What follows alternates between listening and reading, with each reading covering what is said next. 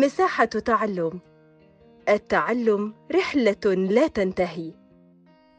يا صباح الفل أو مساء الفل على حسب الوقت اللي بتسمعوني فيه. معاكم مستر محمد صلاح من بودكاست مساحة تعلم التابع لهيئة كير الدولية مصر. بنكمل في مراجعة المنهج المصري العام الدراسي 2021-2022 بالتحديد في بنكمل في منهج مادة علم الاجتماع. للصف الثاني الثانوي. يلا بينا نكمل آه، بنك الأسئلة بتاعنا وإن شاء الله بالنجاح والتفوق لينا كلنا. أول سؤال عندنا النهاردة في الريكورد دوت السؤال بيقول محاولة منظمة للحصول على بيانات ومعلومات من جمهور معين باستخدام استمارات أو آه، استمارات البحث أو أسئلة تتعلق بمعلومات عامة عن آراء جمهور البحث في موضوع معين؟ تجسد العبارة السابقة أحد مناهج البحث في علم النفس وهو أو عفوا في علم الاجتماع وهو هل دراسة الحالة ولا المنهج المقارن ولا المنهج التاريخي ولا منهج المسح الاجتماعي؟ طيب زي ما بنشوف كده في السؤال إن هو يعني واحد حب محاولة منظمة إن إحنا عاوزين نحصل على بيانات ومعلومات معينة تمام؟ من أشخاص معينين اللي هم جمهور معين فبنبدأ إن إحنا يعني ناخد منهم البحث دوت أو الأسئلة دي فبالتالي يعني زي ما بنعمل كده استطلاع رأي أو أو يعني حاجة كده ناخد منهم المعلومات بتاعتهم فبالتالي المنهج اللي فيه إن أنا آخد آه، معلومة من الناس أو إن أنا أستطلع رأي معين من الناس فبالتالي المنهج دوت هيكون منهج المسح الاجتماعي. برافو يبقى كده الاختيار عندنا على إنه منهج المسح الاجتماعي. برافو ندخل على السؤال اللي بعد كده. والسؤال اللي بعد كده بيقول عندما يرغب أحد الباحثين في التعرف على عدد طلبة الجامعة الذين يذهبون إلى السينما أسبوعيا ويقارنهم بأعداد الذين يشاهدون التلفزيون ليلا يشير الموقف لأحد مناهج البحث في علم الاجتماع. هل هو المنهج التجريبي ولا المنهج الوصفي ولا المنهج التاريخي ولا منهج المسح الاجتماعي؟ طيب آه طبعا بالنسبة لعلم الاجتماع فمفهوش حاجة اسمها منهج تجريبي أصلا. تمام؟ فدلوقتي بنتكلم على منهج المسح الاجتماعي والمنهج التاريخي والمنهج الوصفي. طيب واحدة واحدة كده إحنا دلوقتي ال ال ال الباحث دوت بيدرس الطلبة اللي بيروحوا السينما واللي بيتفرجوا على التلفزيون بالليل في, ال... في الوقت الحالي دوت فبرافو. بما إن إحنا بنتكلم على الوقت الحالي فإحنا طبعا هنستبعد التاريخي وبنتكلم على ظاهرة في الوقت الحالي وإحنا بندرسها يبقى المنهج ده بيعبر عن منهج المسح الاجتماعي. برافو عليكم جدا وشطار ندخل على السؤال اللي بعد كده. والسؤال بيقول التنبؤ بمستقبل الظواهر الاجتماعية. التنبؤ بمستقبل الظواهر الاجتماعية لا يتحقق إلا بعد استخدام واحد المنهج التجريبي اتنين منهج المسح الاجتماعي تلاتة منهج دراسة الحالة أربعة المنهج التاريخي. طيب إحنا زي ما بنقول بنتنبأ بمستقبل حاجة معينة بمستقبل ظاهرة معينة. فطبعا إحنا مش هنقدر إن إحنا نتنبأ من قبل ما يكون في دراسة أو من قبل ما يكون في أصلا ال- ال- المنهج ده أو الظاهرة دي. يبقى بالتالي لازم نعرف الأول التاريخ قبل ما نتنبأ. فبالتالي بنستخدم المنهج التاريخي علشان نقدر نتنبأ بمستقبل الظواهر الاجتماعية. مظبوط جدا. يلا بينا ندخل على السؤال اللي بعد كده. والسؤال بيقول ميز إيميل دوركايم بين نمطين هما واحد تضامن آلي وتضامن استاتيكي اتنين تضامن ديناميكي وتضامن عضوي تلاتة تضامن عضوي وتضامن متغير أربعة تضامن آلي وتضامن عضوي. طبعا الإجابة اللي هي الاختيار الرابع وهي التضامن الآلي والتضامن العضوي. السؤال اللي بعد كده بيقول توصل لقوانين الثبات والحركة التي تحكم الظواهر الاجتماعية مين هو العالم ده؟ هل هو ابن خلدون ولا بارسونز ولا أوجست كونت ولا إيميل دوركايم طبعا يبقى إحنا عندنا أوجست كونت هو اللي بدأ إن هو يقول إن في نوعين من التغير في المجتمع زي النوع القوانين الثبات قوانين الثبات زي الاستاتيكا الاجتماعية والقوانين الحركة زي الديناميكا الاجتماعية. برافو عليكم وندخل على السؤال اللي بعد كده. والسؤال بيقول تعددت فروع علم الاجتماع فمنها ما يهدف إلى دراسة الأنشطة المتصلة بالإنتاج والتوزيع والتبادل التجاري واستهلاك السلع والخدمات.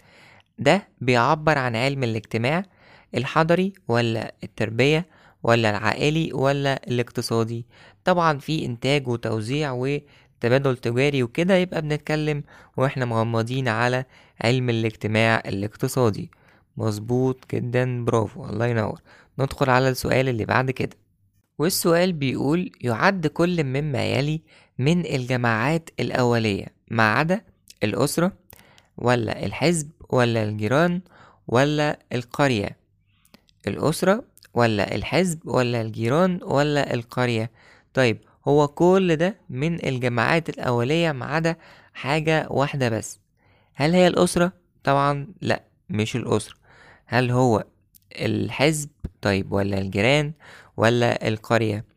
طبعا من الواضح إن هو زي ما بنقول إن في الجماعة الأولية بتكون يعني صغيرة الحجم نسبيا العلاقة بين أفرادها علاقة كده إيه عاطفية بت بتجمع ما بينهم آه، علاقة دم علاقة قرابة آه، بيبدأ إن يكون في يعني العلاقة بينهم مباشرة مفيش مفيش تحزبات أو مفيش اللي هي بنقول عليها آه، آه، إن ليه في حد معين محتاج إن هو يحدد شكل العلاقة دي. فبالتالي ده موجود في كل الموجودين أو كل الاختيارات دي موجود في الأسرة موجود في الجيران موجود حتى في القرية إنما مش موجود في الحزب. يبقى كده عندنا الإجابة وهي الحزب لأن الحزب فعلا من ضمن الجماعات الثانوية لأن هو كبير الحجم نسبيا وبيجمع الأفراد اللي فيه شوية مصالح وأهداف خاصة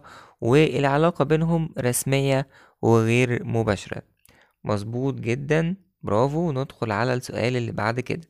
والسؤال اللي بعد كده بيقول الاهتمام بالتباين بين اتجاهات الأشخاص نحو أدوار الأعمال التي يؤدونها وتأثير الأدوار على حياتهم خارج العمل. يعد هذا من اختصاص علم الاجتماع الأسري ولا التربوي ولا الحضاري ولا الصناعي. طبعا يعني بنتكلم في الأعمال والعمل وكده ف وإحنا مغمضين هيكون علم الاجتماع الصناعي. سؤال بيقول أسفرت الدراسة العلمية لظاهرة الطلاق عن عدة نتائج ينبغي على صانع القرار وضعها في الحسبان قبل وضع قانون له.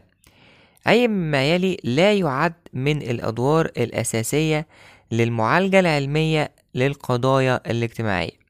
واحد التعرف على الخصائص الأساسية للظاهرة الاجتماعية. اتنين علاقة الظاهرة الاجتماعية بغيرها من الظواهر. تلاتة التنبؤ بما ستؤول إليه الظاهرة الاجتماعية. أربعة النقد الذاتي لمختلف الجهود النظرية والعلمية. طيب تعالوا كده إيه نشوف أو نسمع تاني كده السؤال بيقول إن في دراسة معينة لظاهرة الطلاق تمام؟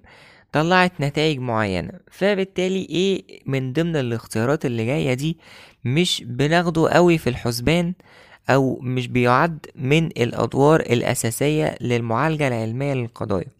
هل هو أول حاجة التعرف عن خصائص هل التعرف عن الخصائص الأساسية للظاهرة ده مش من ضمن آه، آه، آه، الحل بتاعها؟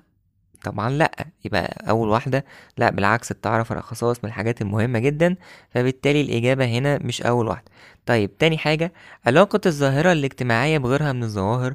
لأ برضو بنكون محتاجينها إن إحنا نعرف إيه العلاقة ما بين الظاهرة دي والظاهرة اللي بعدها. يبقى برضو الإجابة التانية مش صح. طيب تالت اختيار وهو التنبؤ بما ستؤول إليه الظاهرة الاجتماعية. كلمة ستؤول معناه يعني إيه اللي هيحصل بعد كده. تمام؟ فهل التنبؤ ده مش من ضمن الوظائف لا بالعكس التنبؤ فعلا من ضمن الوظائف طيب آخر اختيار بقى النقد الذاتي لمختلف الجهود النظرية والعلمية.